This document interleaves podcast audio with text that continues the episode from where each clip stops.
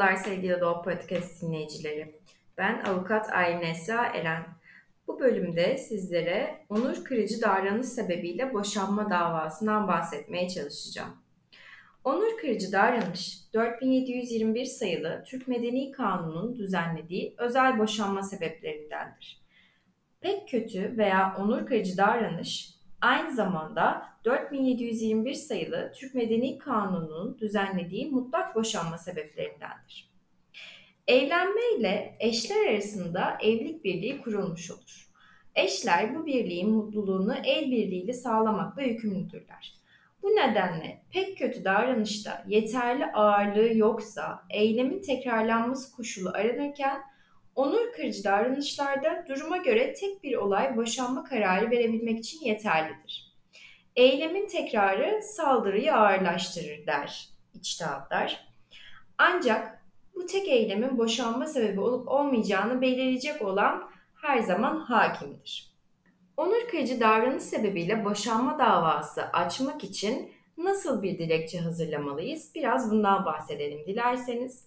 Öncelikle davayı aile mahkemesinde açmamız gerekir. Eğer bulunduğunuz yerde bir aile mahkemesi kurulmamışsa sizin davanıza aile mahkemesi sıfatıyla Asya Hukuk Mahkemesi görecektir.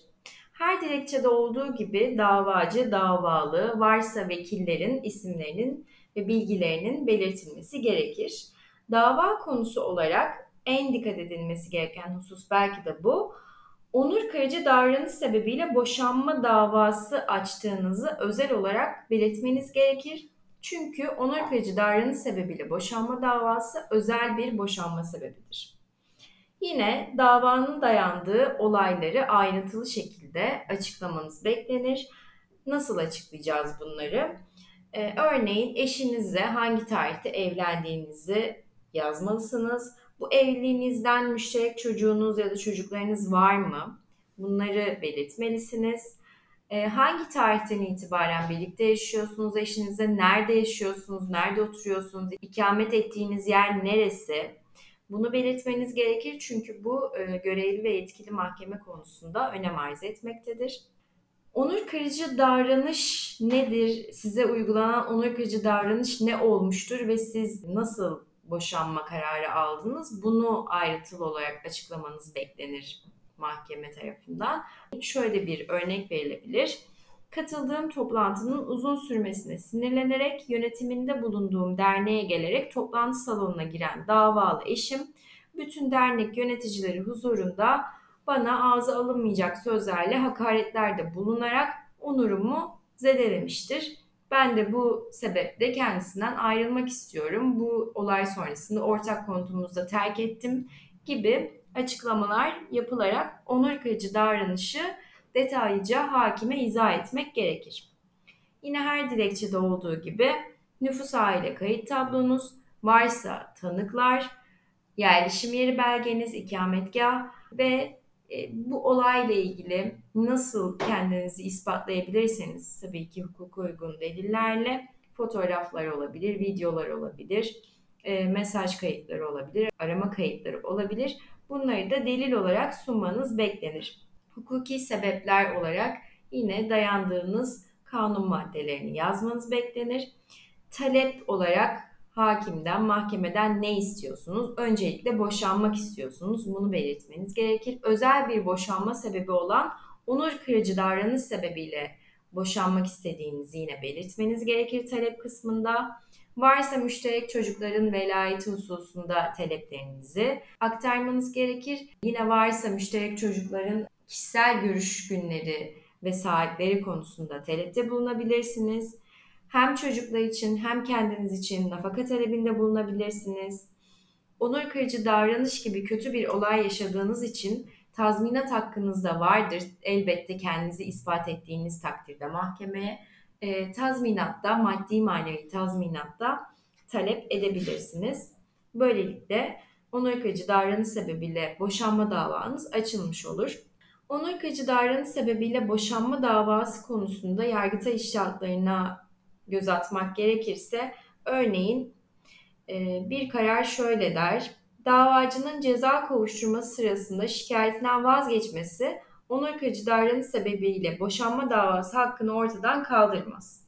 Mahkemece kararın gerekçesine konu edilen kadının ceza davasında şikayetten vazgeçmesi erkeği cezadan kurtarmaya yönelik olup erkeği affettiği anlamına gelmediği gibi affın kabul edilebilmesi için kayıtsız şartsız bir irade beyanının mevcut olması ya da en azından affa gösterir fiili bir tutum ve davranışın gerçekleşmiş olması gerekmekte olup ayrıca af olgusunu iddia edenin bunu somut delillerle ispatı lazımdır der Yargıda 2. Hukuk Dairesi.